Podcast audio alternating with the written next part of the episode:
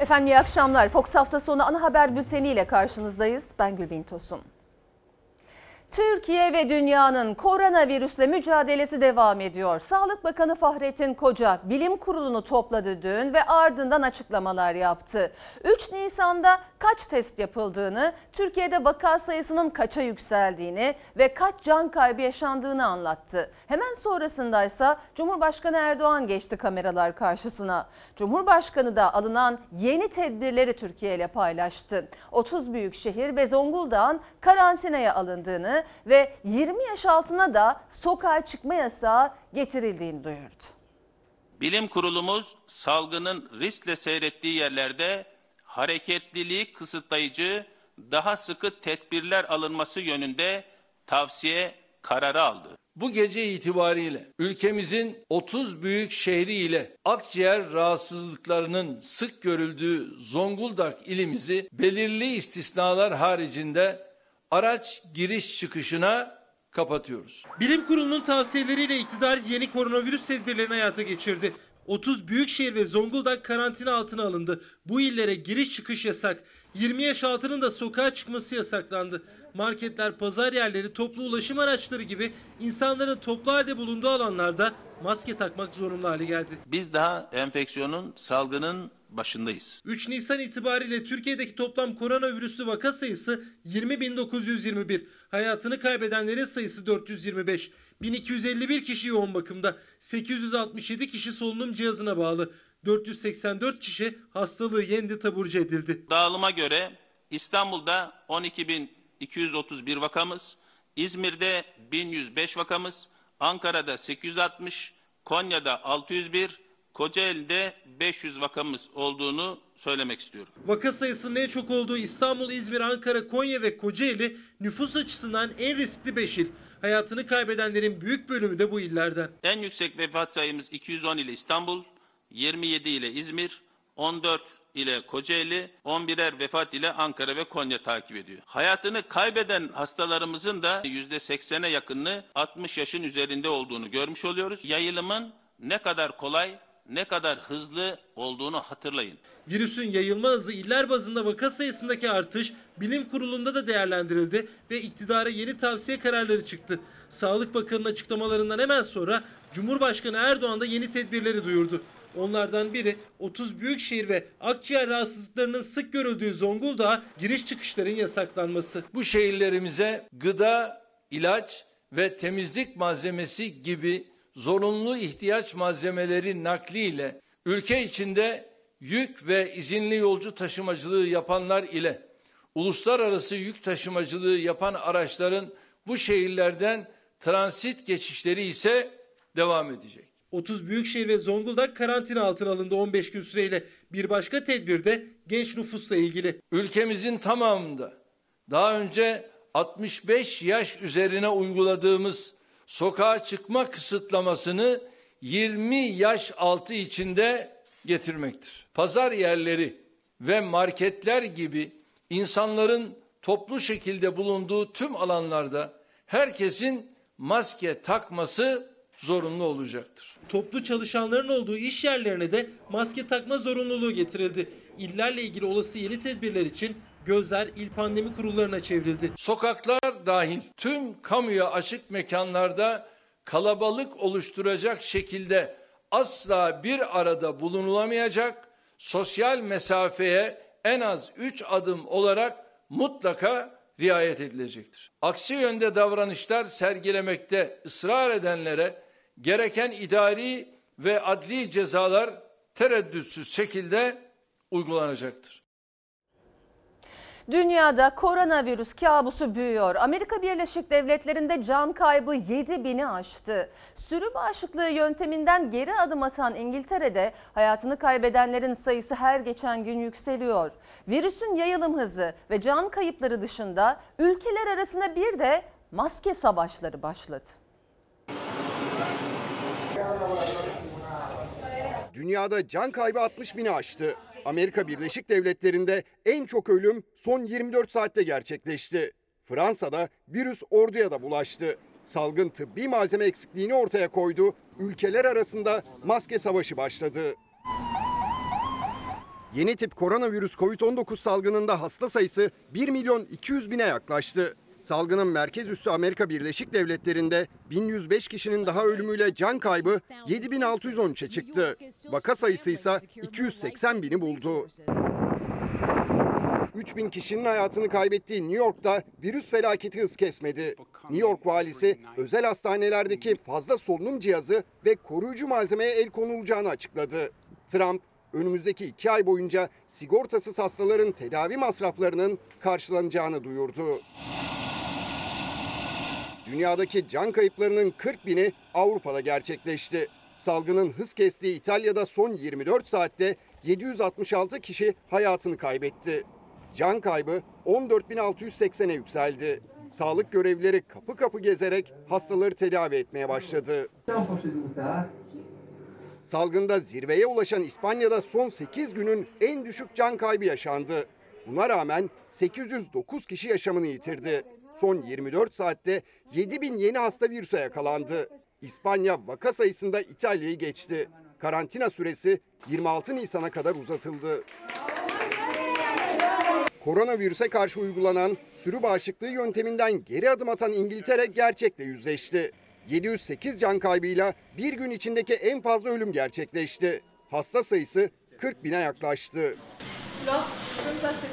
Fransa'da 588 kişi daha hayatını kaybetti. Yaşamını yitirenlerin sayısı 6507'ye yükseldi. Koronavirüs orduya da bulaştı. Savunma Bakanlığı 600 askerin testinin pozitif çıktığını açıkladı. Rusya'da ölü sayısı 43'e, hasta sayısı ise 4700'e çıktı. Hayvanlarda test edilen aşının Haziran ayında insanlarda deneneceği açıklandı. Salgını kontrol altına alan Çin'de koronavirüs kurbanları 3 dakikalık saygı duruşuyla anıldı. Koronavirüs dünyada yeni bir krize de yol açtı. Tıbbi malzeme yetersizliği nedeniyle birçok ülke maske savaşına girdi. Fransa, İsveç'in Çin'den İtalya'ya ve İspanya'ya göndermeyi planladığı 2 milyon maskeye el koydu. Almanya, Çin'den aldığı 400 bin maskeye Amerika Birleşik Devletleri'nin el koyduğunu savundu. Türkiye'de salgının merkezi İstanbul ancak il bazında tedbir hala uygulanmıyor. Türkiye genelindeki yaşa göre sokağa çıkma yasağı ise İstanbul'un ancak üçte birine denk geliyor. Tüm bu tartışmalar sürerken Sağlık Bakanı Fahrettin Koca İstanbul'da her hastanın 16 kişiye daha virüs bulaştırdığını açıkladı. İstanbul'da 12.231 vakamız olduğunu söylemek istiyorum. İstanbul bir kişinin bulaştırdığı kişi sayısı 16. Bir hasta 16 kişiyi daha hasta ediyor İstanbul'da. Nüfus yoğun, sokaklar ve semt pazarları hala kalabalık. Vaka sayısı 12 bini aştı. Koronavirüs salgınının daha fazla yayılmasını engellemek için il bazında tedbirler bekleniyordu ama o adım gelmedi. İstanbul Büyükşehir Belediye Başkanı Ekrem İmamoğlu her gün olduğu gibi sokağa çıkma yasağı talebini bir kez daha dile getirdi. Sokağa çıkmayan bir İstanbul'u var edebiliriz. E, bu da gerçekten belki de birçok insanımızın hayatını kurtarır. haftalardır Sayın Ekrem İmamoğlu ya bu Covid-19'un yuvalandığı yer İstanbul'dur. İstanbul'da mutlaka bir sokağa çıkma yasağı getirin. Bu yaygınlaşır diye. Neredeyse başkanın dilinde tüy bitti. Bu şunu gösteriyor. Siyasal iktidardan çok daha güçlü bir şekilde İstanbul'un sorunlarını bilen kişinin Ekrem İmamoğlu olduğu çıkıyor ortaya çıkıyor. Nüfusa göre en riskli illerimiz değerlendirildiğinde İstanbul, İzmir, Ankara, Konya, Kocaeli ilk 5 il olarak sıralamak mümkün. Türkiye'de salgının merkezi İstanbul. Ancak kalabalık nüfusa rağmen özel bir tedbir alınmadı İstanbul için. 65 yaş üstü nüfus 1 milyon 157 bin kişi, 20 yaş altı ise 4 milyon 570 bin. Yani İstanbul nüfusunun yalnızca üçte biri için sokağa çıkma yasağı var henüz. Yaşadığımız pandemi süreci kademeli e, tedbir almayı e, çok da e, mantıklı e, kabul etmeyen bir sürece benziyor. 29 büyükşehir ve Zonguldak gibi İstanbul'da da giriş çıkış yasaklandı. Sadece seyahat belgesi olanlar yolculuk edebiliyor. Amaç hareketliliği azaltmaktı ama gece de gündüz de uzun araç trafiği vardı şehrin giriş çıkışında. Burası İstanbul'un çıkış noktalarından biri. Araçlar tek tek durduruluyor. Uzun araç kuyrukları da oluştu. Trafik polisleri araçtakilere seyahat izin belgeleri olup olmadığını soruyor. Eğer belge yoksa da ceza kesiyorlar. Nereye gidiyorsunuz acaba? Sakarya'ya gidiyorum. Sakarya'ya. Çok Evet. acil bir durum mu? Geçerli bir nedeniniz var mı? Evim orada. İzin aldık valiliğimizden, kaymakamlığımızdan. Köy yollarını kullanarak geçiş yapmak isteyenlere ise jandarma engel oldu. Komşu köye gidip su alıp çıkacaktım ben. Sadece İstanbul'da değil, İzmir'de de büyük yoğunluk vardı. Salgına rağmen Karşıyaka'daki kalabalık böyleydi. Tekirdağ Valiliği ise ilçeler ve mahalleler arasındaki toplu ulaşımı pazar alışverişinin yapıldığı günler hariç 15 gün durdurdu. Valilikler il bazında karar alma yetkisine sahip. İstanbul Valiliği de pandemi kurulunu bir kez daha topladı. Vali Ali Yerlikaya, bedelli askerlikten terhis olanların İstanbul'dan ayrılabilmeleri için terhis belgelerini göstermelerinin yeterli olacağını açıkladı. Evet sayın seyirciler aktardık. 30 büyük şehir ve Zonguldak'ta giriş çıkışlara polis kontrol noktaları oluşturuldu. Biz şimdi o kontrol noktalarından birine gideceğiz. Tuzla'ya. Orada Emre Eskübarlas ve kameraman arkadaşımız Ömür Dikme bizleri bekliyor. Emre de, e, sen orada nelere şahit oldun diyeceğim. Gece ve gündüz yaşanan araç kuyruklarını şimdi aktardık haberimizde ama şu anda durum ne diye soralım ve ve İstanbul Valisi istisna ile belirlenen araçlar hariç tüm araçların giriş çıkışı durdurulmuştur demişti. Bu istisnai durumlar ne ve bu seyahat izin belgesi nasıl alınabiliyor diye sorayım sözü sana bırakayım. Gülbin Tosun öncelikle polisin İstanbul'un çıkışında Tuzla'daki o denetimlerinin devam ettiğini söyleyelim. Sonra da o istisnai durumdan bahsedelim. İstisnai durum şu lojistik yani taşımacılık yapan özellikle de gıda ve sağlık maddelerini şehir dışına malzemelerini şehir dışına taşıyan gördüğünüz gibi kamyonlar, tırlar bu denetimden muaf tutularak buraya girmeden, bu denetime girmeden şehirler arasına yani buradan İstanbul'dan farklı şehirlere gidebiliyor. Ancak özel araçlarda e, valilikten almaları gereken o seyahat izin belgeleri soruyor, soruluyor. İşte burada trafik polisleri şimdi olduğu gibi yine sürücülere bakın. Seyahat izin belgelerinin olduğunu soruyorlar. Nereye gittiğini soruyorlar. Bakın Seyahat izin belgeniz yok. Ben, nerede ikamet ediyorsunuz? Ben Gebze'de ikamet ediyorum. Annemlerin evindeydim. Dün akşam olduğu için e, dün akşam yasa dün akşam öğrendim. Hale gidiyorum mecbur ben gece. Oradan geldiğim için de şu anda eve dönüyorum. Seyahat belgeniz yok. Yok. Ee, seyahat belgeniz olmadığından dolayı e, sizi şu an Gebze'ye gönderemeyeceğiz. Seyahat belgenizi alın. İkametgah ve seyahat belgenizle birlikte e, seyir halinde geçebilirsiniz ama şu an kesinlikle yasak. E, vatandaşımızın sağlığı için mecburen sizi şöyle sağdan Orhan ayrımından İstanbul sınırlarına tekrar alalım beyefendi. Gülbin Tosun gördüğünüz seyahat belgesi olmayanlar yani geçerli bir nedeni olmayanlar hastalık ya da farklı bir sebepten dolayı valilikten o belgeyi almayanlar hemen arkamızdan Edirne yönünden İstanbul tarafına tekrar geriye döndürülüyor ama gördüğünüz gibi tırlar hiçbir şekilde bekletilmeden özellikle sağlık malzemesi taşıyan tırlar buradan gidiyor. Sadece seyahat izin belgesi değil araçlarda özellikle 65 yaş üstü ve 20 yaş altı biliyorsunuz ki böyle bir kural ve yasak getirildi. Polis onlara da soruyor yani trafik polisi sadece o kuralı sormuyor. O yasağa uymayanları da burada önce ceza kesiyor sonra İstanbul'a yolluyor. İşte görüyorsunuz uzun araç kuyrukları Tuzla'da ve İstanbul'un farklı noktalarında böyle uzayıp gidiyor. Tabi burada bir denetim var. Seyahat izin belgesi soruluyor ve şunu söyleyelim aslında buraya girmek istemeyen birçok kişi de köy yollarından Kocaeli istikametine, Ankara istikametine gitmeye çalışıyor. Tabii onlar bir şekilde risk oluşturdukları için de e, jandarma da onlarla daha kırsal noktalarda yani şehrin bu noktasında değil daha köy yolları tarafında onlarla mücadele ediyor. Gülbin Tosun şunu söyleyelim bu kuyruk uzayıp gidiyor ama birçok kişinin de İstanbul dışına köyüme gidiyorum diyen var. Hasta yakınıma gidiyorum diyen var ama öncelik şu kuralda net. Valilikten alınan seyahat izin belgesi var mı yok mu? Yoksa ceza kesiliyor. Daha doğrusu İstanbul'a gitmeleri sağlanıyor. Eğer o belge varsa trafik polisleri buradan tıpkı kamyon ve tırların olduğu gibi onların şehir dışına gitmesine müsaade ediyor Gülbin Tosun. Emre Eskübarlaz çok teşekkürler.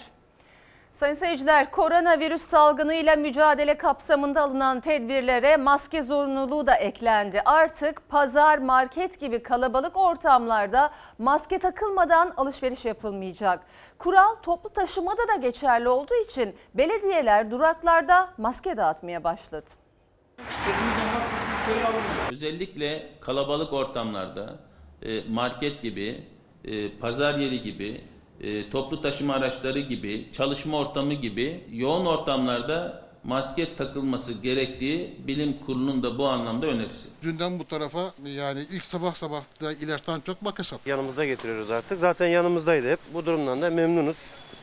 Böyle olması gerekiyor. Çok geç kalındı. Daha önceki tedbir listesinde hasta değilseniz maske takmayın diyen Dünya Sağlık Örgütü o öneriyi değiştirdi. Maskenin salgının yayılma hızını yavaşlatabileceğini açıkladı. O tavsiyenin hemen ardından Türkiye'de kalabalık yerlerde maske takmak zorunlu hale geldi. Toplu taşıma araçlarında maske takmak zorunlu olunca İstanbul'daki metro, metrobüs ve vapurlarda ücretsiz maske dağıtılmaya başlandı. Maskesi olmayan yolculuk yapamıyor. Maske verecekler. Maske takacak. Alacaklar cebine koyacaklar. Gerektiğinde takacaklar. Yine bir hijyenik bir ortam olmayacak açıkçası. Birbirini kandırıyor yani. Tam da öyle oldu. Görevlinin verdiği maskeyi alan bir yolcu bir süre elinde tuttu. Sonra katlayıp cebine koydu. Yolculuğuna maskesiz devam etti. Zorunluluğa uyan yolcular kadar maske takmayarak ihlal edenler de vardı. İstanbul gibi Ankara ve İzmir'deki toplu taşıma araçlarında da ücretsiz maske dağıtıldı. Zaten kullanıyorduk. Hem zorunlu hem kullanıyorduk. İçeride de ücretsiz dağıtım yapılıyor.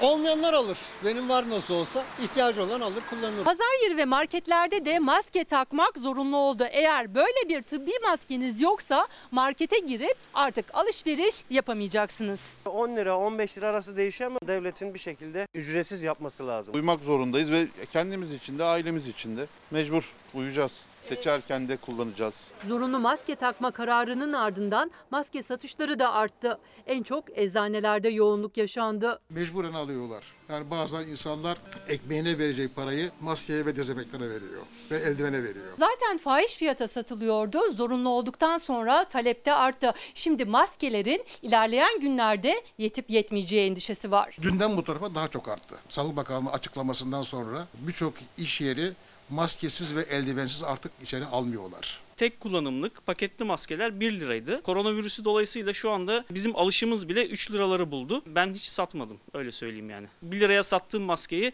4 liraya ya da 5 liraya satamam. Yeni müşterimiz geldi. Başımın ağrıdığını söylüyor. Ateşinin olduğunu söylüyor. Maskesi de yok e, ağzında. Sizin için bir tehlike.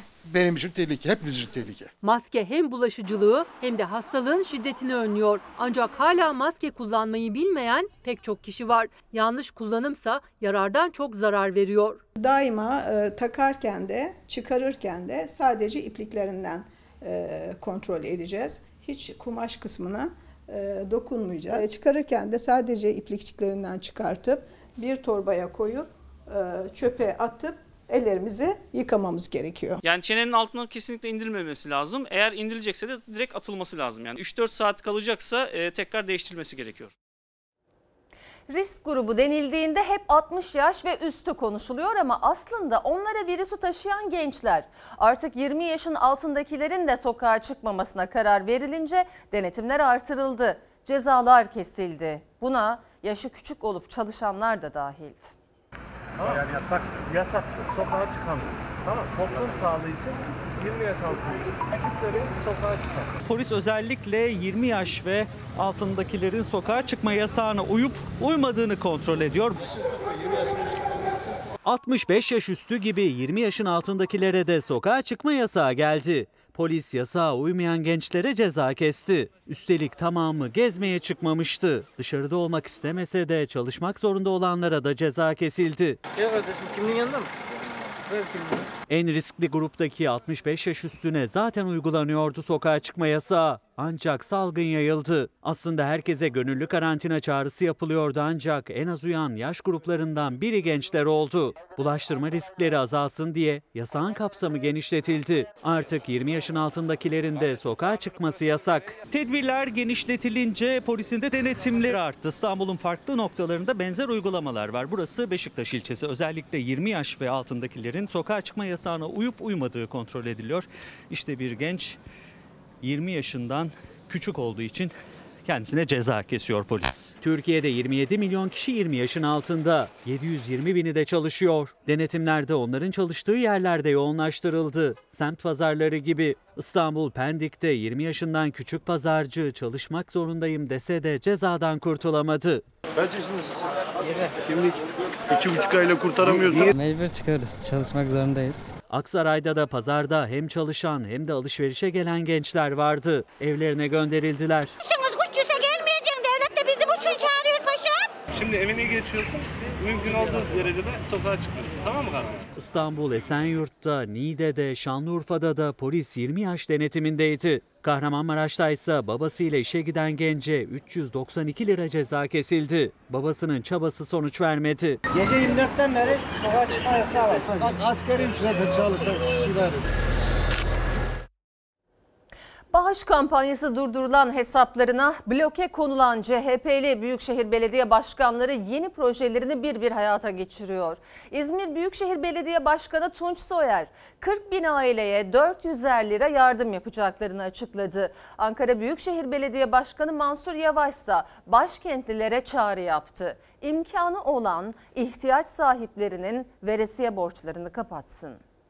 Güzel bir teklifim var. Kendiniz veya birkaç kişi bir araya gelin. Hemen mahallenizdeki ya da komşu mahallenizdeki bakkala, kasaba veya manava gidin. Veresiye defterindeki bir ihtiyaç sahibinin borcunu ödeyin. 24 saatte vatandaşlarımızın sunduğu katkıyla 9500 vatandaşımıza 350 liralık ve 650 liralık 2 aylığına katkı sunmak üzere kartlarına para yüklüyoruz. Bağış kampanyalarına bloke konulan vatandaşa nakdi yardım ulaştırmaları İçişleri Bakanlığı'na takılan CHP'li belediye başkanları yeni projelerini hayata geçiriyor. Ankara Büyükşehir Belediye Başkanı Mansur Yavaş yardım yapmak isteyen başkentlere çağrıda bulundu. İhtiyaç sahiplerinin bakkala, kasaba, manava olan borcunu kapatın çağrısı yaptı. Tunç Soyer de İzmir'de 40 bin haneye 16 milyon lira dağıtacaklarını açıkladı. Biz komşuyuz. Hiç kimseyi çaresiz bırakmayalım. Önümüz Ramazan. Ankaralılar olarak bu zor günlerde lütfen böyle bir güzelliğe imza atıp Türkiye'ye örnek olalım. 40 bin haneye e, 400 liralık bir nakit e, yardım yapma kararı aldık. Pazartesiden itibaren e, bunu uygulamaya başlıyoruz. 11 CHP'li Büyükşehir Belediye Başkanı hafta başında ihtiyaç sahipleri için yardım kampanyası başlattı. Ancak aynı günün akşamında İçişleri Bakanlığı genelgesiyle bağış kampanyası hesaplarına bloke konuldu. Devlet içinde devlet olmanın anlamı yoktur. Biz de devletin bir parçasıyız. Biz devletin çok aykırı, onun dışında bir yapı değiliz. Devlet içerisinde devlet olmak.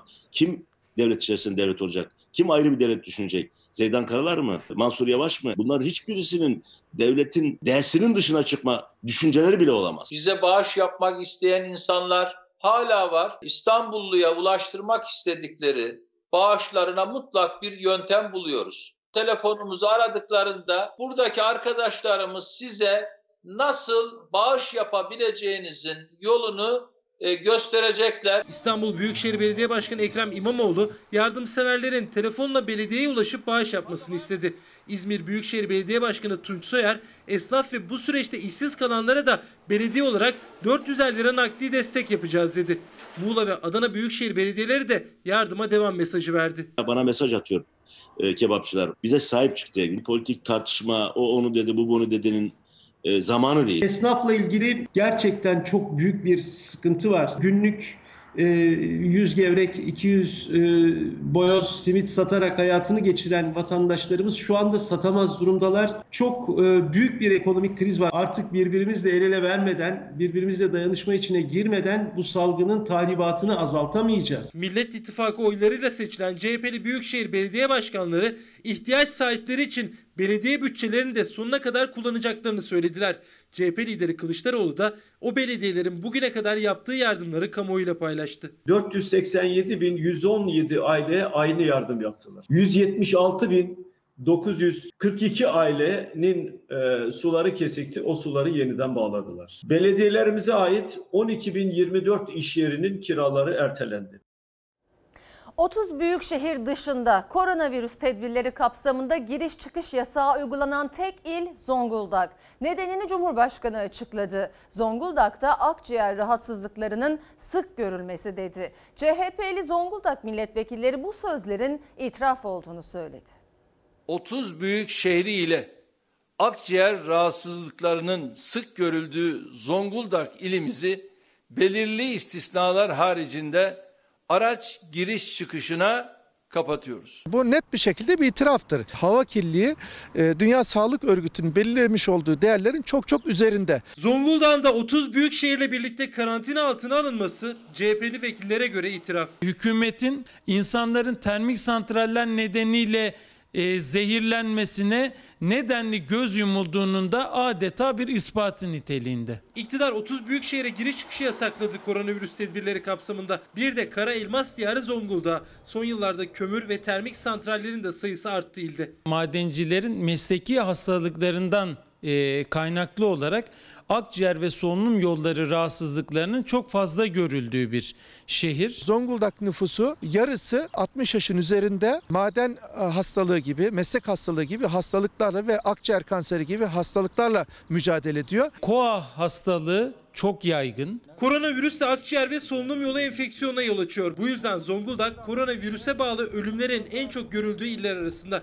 Cumhurbaşkanı Erdoğan da ilde akciğer rahatsızlıklarının sık görülmesine vurgu yaptı. Zonguldak'ın da büyük şehirlerle birlikte karantina listesine eklendiğini açıkladı. Bu felaketi e, haykırdık. Termik santrallere filtre takılması ile ilgili büyük bir mücadele verdik. Yetkilileri uyardık, uyarmaya devam ediyoruz. Maalesef Zonguldak'ın acı gerçeğiyle e, yüz yüze gelmiş oldu. Zonguldak ilimizi belirli istisnalar haricinde araç giriş çıkışına kapatıyoruz. Mutlaka ve mutlaka sokağa çıkma yasağı getirilmelidir. Normal e, illerde koronavirüsüne yakalanan vatandaşlarımızın ölüm oranı %10 iken Zonguldak'ta %40'lara 50'lere çıkma olasılığı yüksektir. CHP Zonguldak milletvekilleri ilde sokağa çıkma yasağı ilan edilmesini istiyor.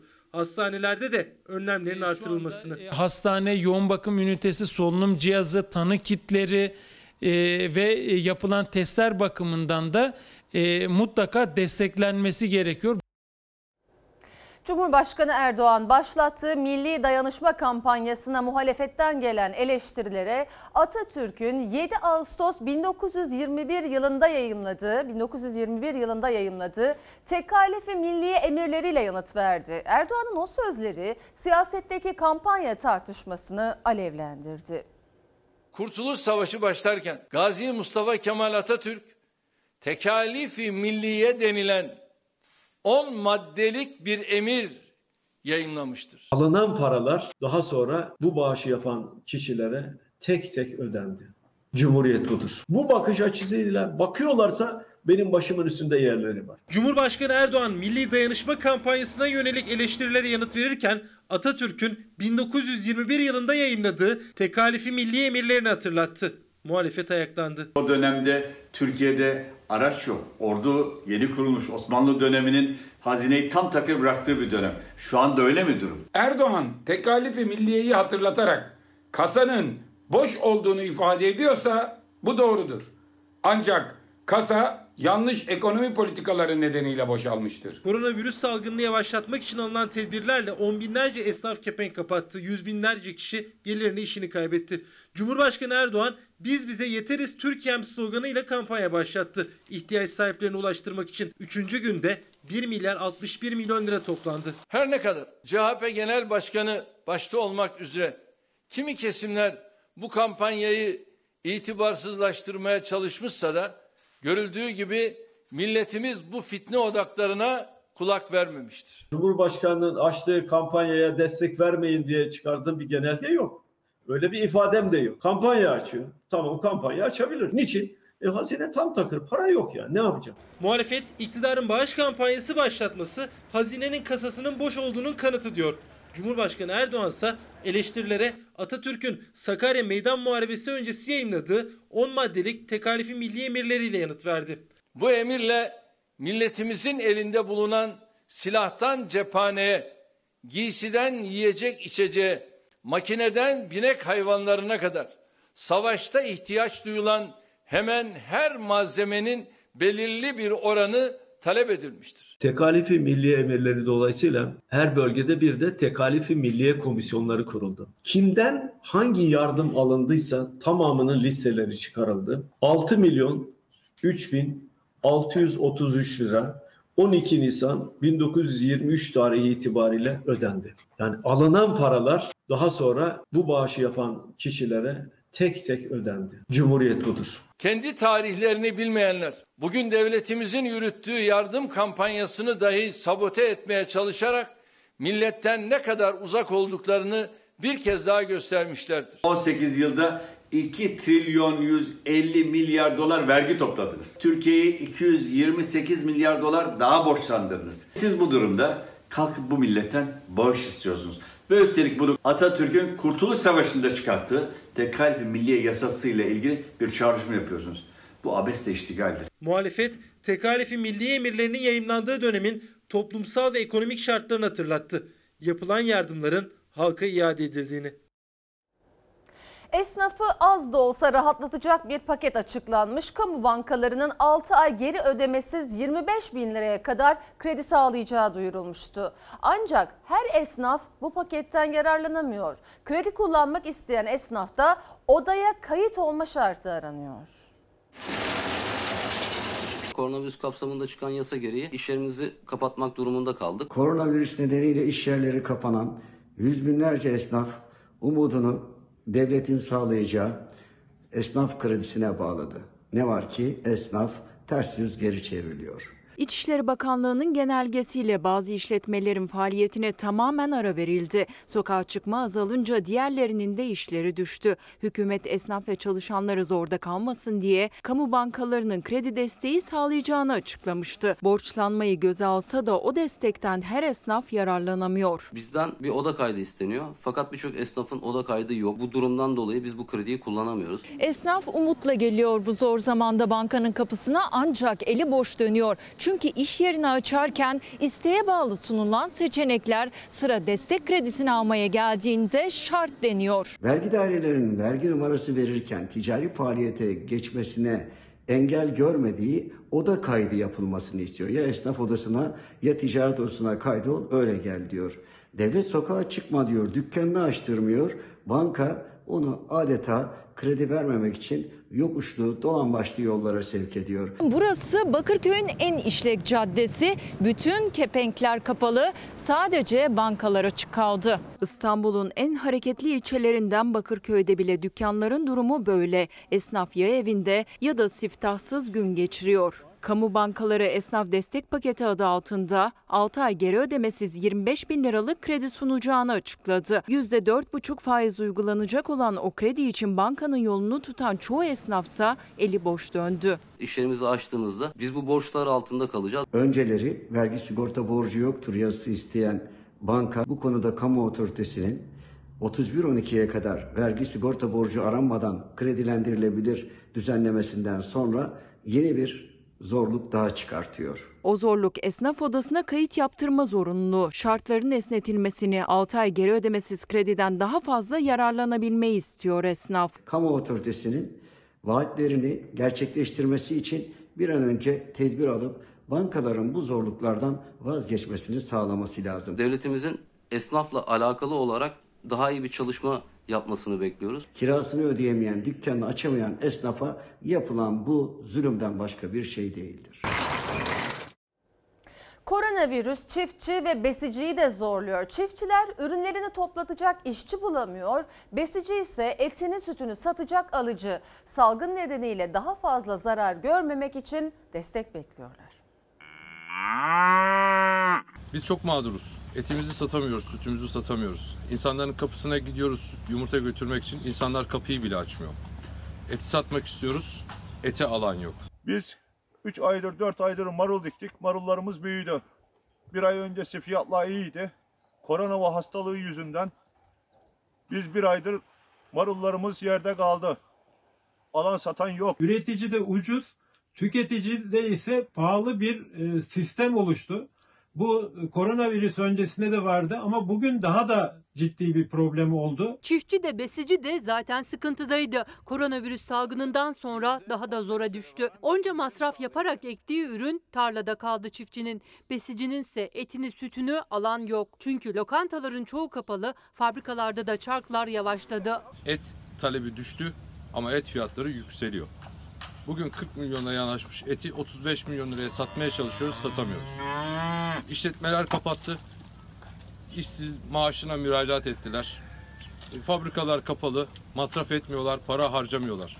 Ama biz hayvanlarımıza yemeyin diyemiyoruz. Kocaeli Gebze'de hayvancılık yapan Ferhat Kaplan, Bilecik'in Söğüt ilçesine bağlı Çaltı köyünde çiftçilik yapan Önder Yavuz. Yüz binlerce çiftçi ve besici gibi onlar da mağdur. Çiftçiler ürünlerini hasat edecek işçi, hasattan sonra onu hale götürecek şoför bulamıyor. Biz çok mağduruz. Marullarımızı gelip günde 100 tane kamyon giriyordu. Şu anda 5-6 kamyon giriyor bu dereye. Şu anda fiyatla fiyat miyat yok burada. 10 kuruşa bedava kestiriyoruz. Tarladan kalksın diye. Temel gıda ürünlerinin üretim, stok ve tedarik zincirinde sıkıntı yok. Bakan Pakdemirli zincirin halkalarında sorun yaşanmayacağını söylemişti. Ancak tarım yazarı Ali Ekber Yıldırım zincirin zora girdiğini, kısa bir süre sonra da tüketicinin gıdaya ulaşmakta zorlanacağını söylüyor. Çiftçi büyük emeklerle ürettiği ürünü hale götürdüğü zaman orada e, alıcı bulamadığı için bazen elinde kalıyor, bazen çürümeye terk ediliyor. Dolayısıyla üretici yaptığı masrafı dahi çıkarmakta zorlanıyor. Üretime devam edebilmesi için bu ürünü değerinde satması e, ve tekrar yeni ürün için girdileri satın alması gerekiyor. Bir çuval yem 95 lira olmuş. Bir balya saman 25 lira olmuş. Artık ayakta kalacak gücümüz kalmadı. Hayvanlarımıza laf anlatamıyoruz. Az yiyin de demiyoruz. Onlar tüketmeye devam ediyor. Ancak biz karşılığında mahsul alamıyoruz. Besicinin derdi de çiftçiden farklı değil. Maliyet yerinde sayıyor hatta artıyor ama kazancı yok. Destek bekliyorlar. Bu hayvanları doyurabilmek için devletten destek bekliyoruz. Durumumuz çok kritik. Zor ayakta duruyorduk, ayakta duramaz hale geldik. Artık sesimizi birileri duysun. Biz çok mağduruz. Borç kıtlığı. Biz bir tane 3 senedir, 5 senedir 5 kuruş para kazanamayız bu çiftçilikten. Türkiye'de gönüllü karantina uygulayamayan bir kesim var. O da asgari ücretliler. En kritik hizmetler onların emeği sayesinde devam ediyor. Salgın gösterdi ki en az kazanan ancak ancak en çok ihtiyaç duyanlar 2324 lirayla ay sonunu getirmeye çalışan asgari ücretliler. Motokuryeyim efendim. Aldığınız ücret nedir? Asgari ücret efendim. Bu salgın koşullarında çalışmak zorunda olanlar, çoğunluğu asgari ücretle çalışanlar. Herkes evinde. Onlarsa ya o eve yiyecek götürüyorlar ya da yiyecek satın alanlar için rafları diziyorlar. Kasada duruyorlar. En önemlisi de hastanelerde temizliği üstleniyorlar. Onlar salgın günlerinde evde kalamayan, kuryeler, kasiyerler yani en az kazanan ama sistemin de en çok ihtiyaç duyduğu asgari ücretliler. Evde oturun diyorlar. Evliyiz. Çocuğumuz var. Kiramız var. Aldığımız maaş da yetmiyor. Sıra ücrete geldiğinde en düşük maaş alıyor asgari ücretliler. Geçim yükünün ardından virüs salgını yüklendi sırtlarına. Evde karantina yok onlara. Eve yemek getiren kuryeler, gıda noktalarını açık tutan kasiyerler ve daha binlerce meslek grubundaki milyonlarca çalışan onlar. Çalışmasanız ne olur? Çalışmasam aç kalırım efendim. Bugün çalışmazsa yarın evine ekmek götüremeyecek olan milyonlar var. Çalışanların neredeyse yarısı asgari ücretli. Türkiye %43'lük oranla Avrupa'da lider. Yaklaşık 10 milyon kişi 2324 lirayla kirasını faturalarını ödemek zorunda. Üstelik bazı çalışanlar evlerinden çalışabiliyorken asgari ücretler işlerinin başında. Çünkü zincirin tüm halkalarında onlar var. Markette kasiyerler, eczanelerde kavfalar, hastanede temizlik görevlileri, sokakta kuryeler. Herkes evde bile kalsa sağlık çalışanlarıyla birlikte salgın bitene dek çalışması gerekenler yine asgari ücretliler. Bir taraftan bu hastalıkla korunmak için evde kalma çağrıları, mutlak izolasyonun, temasın en aza indirilmesinin yaşamsal önemi ifade edilirken diğer taraftan milyonlarca insan çalışmak zorunda. Korkuyor musunuz peki bu dönemde? Korkuyoruz efendim. Virüs var biliyorsunuz. Herkes evinde kalıyor. Biz ona rağmen çalışmaya çalışıyoruz. Siz şahsen bugün çalışmıyorum, ben bu riski alamayacağım, korkuyorum derseniz geçinebiliyor musunuz? 15-20 günlük geçirebilirim. Elbette ki korkuyorlar. İşten sonra evlerine, ailelerinin, çocuklarının yanına gidiyorlar. Eve ekmek götürebilmek için çalışmaktan başka şansları yok. Salgından önce hatırlanmayan asgari ücretler bugün de unutuluyor. İşverene verilen desteğin benzerini canla başla çalışan asgari ücretler de bekliyor. İşçiler aileleriyle birlikte bu virüs salgınına karşı korunmalıdır. Koronavirüsle mücadelede sadece devlete ait hastaneler değil, özel hastanelerde pandemi hastanesi ilan edilmişti. Bu sabah da Çalışma Bakanlığı özel hastaneleri kapsayacak şekilde hasta başına 660 liralık ödeme yapılacağını duyurdu. Ancak özel hastaneler ücret farkı almakta kararlı. ücret talep edilmemesi noktasında bir yaklaşım içindeyiz. Sağlık Bakanı Fahrettin Koca'nın özel hastanelerde koronavirüs tedavisinde ücret ödenmemesine ilişkin düzenleme yapılacak açıklamasından iki gün sonra Çalışma Bakanlığı kamu özel tüm hastanelere hasta başına 660 lira tedavi desteği verileceğini açıkladı. Ama bu teşvik özel hastanelerin ücretsiz tedavi uygulayacağı anlamına gelmiyor. Bizim maliyetlerimizin çok çok altında olmasına rağmen servis yatışlarında çok daha cüzi farklarla vatandaşı tedavi etme şansımız olacak. Hiçbir kitten, hiçbir laboratuvar testinden ücret almıyoruz, almayacağız. Korona testinden ücret almak yasak. Testi devlet karşılıyor ama pandemi hastanesi ilan edilen özel hastaneler tanı sonrası tedavi masraflarını hastadan talep ediyor. Zaten pandemi hastaneleri genelgesinde de özel hastanelerde para alınmayacağına dair bir düzenleme yok. Ancak Çalışma Bakanlığı yoğun bakım tedavi ödemelerini iki katına çıkardı. Kamu özel tüm hastanelere hasta başına 660 liralık tedavi desteğini açıkladı. Hiçbir hasta, hiçbir hastanede ödeme sebebiyle ne rehin kaldı ne mağdur oldu.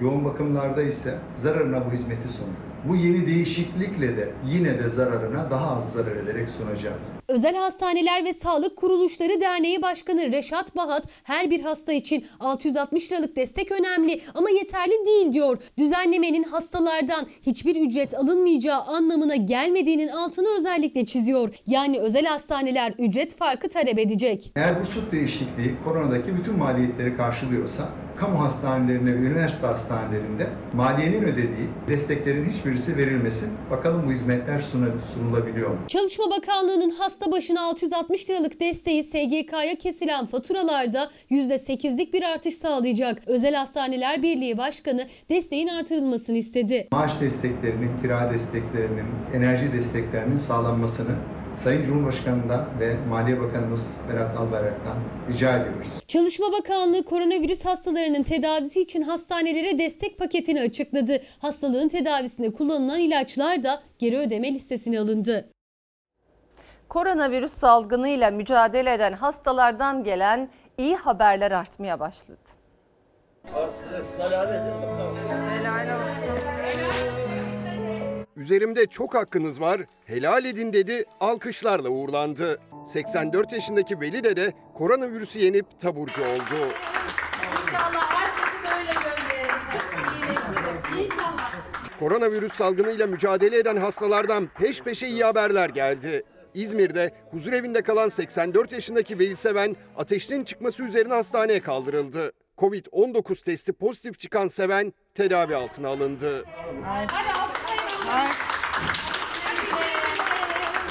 Veli Dede'ye hastanede uygulanan ilaç tedavisi olumlu sonuçlandı. İkinci testin negatif çıkan Veli Seven'in taburcu olmasına karar verildi.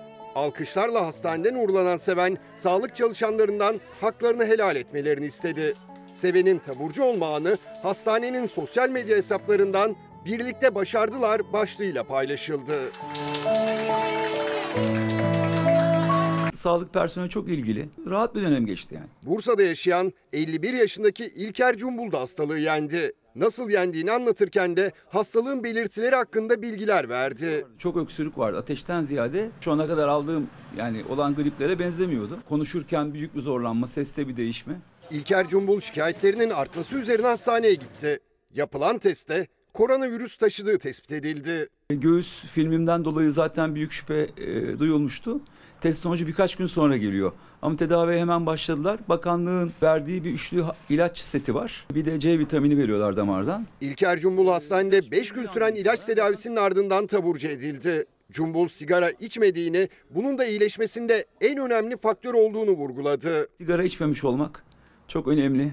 Bu vesileyle bütün vatandaşlar da e, sigarayı bırakırlarsa çünkü kalp hastalığı olsun, kanser olsun, korona olsun hep sigaranın bir negatif etkisi var. Şimdi ara zamanı. Efendim Fox hafta sonu ana haber bültenini burada noktalıyoruz. Fox'ta yayın Hababam sınıfı askerde ile devam edecek. İyi bir akşam geçirmenizi diliyoruz. Hoşçakalın. Her köşesi cennet